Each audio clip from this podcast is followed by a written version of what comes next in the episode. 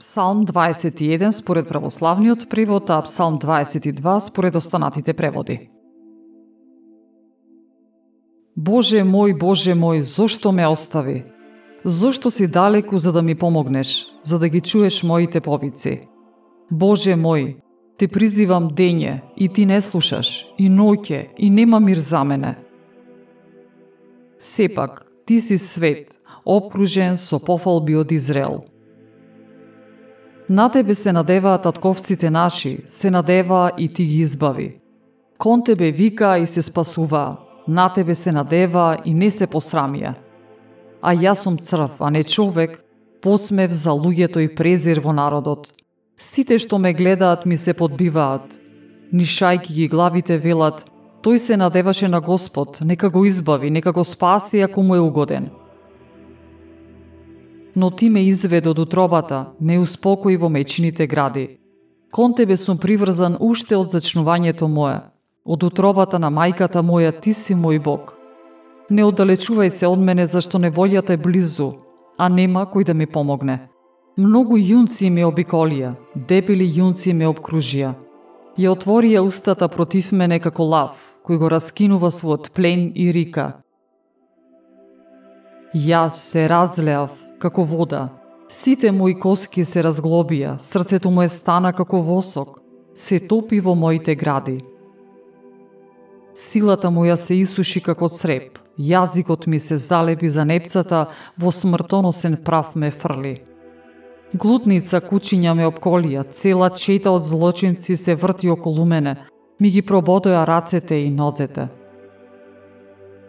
Можам да си ги пребројам сите коски мои, а тие гледаа и ме презираа. Ги разделија меѓу себе алиштата мои, за облеката моја ждрепка фрлија.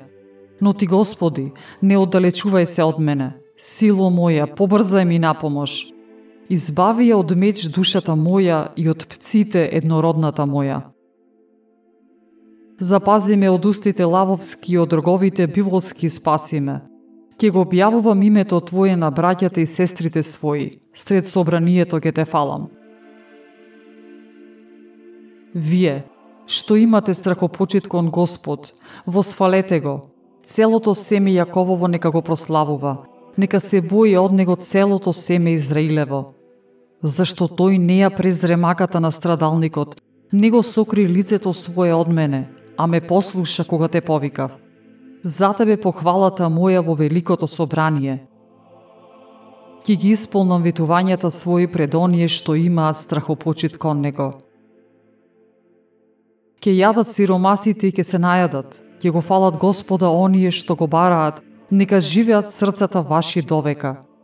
Ке се сетат и ке се обратат кон Господ сите земни краишта и ке се поклонат пред Тебе сите племиња на народите, зашто царството е Господово и Тој е владетел над народите.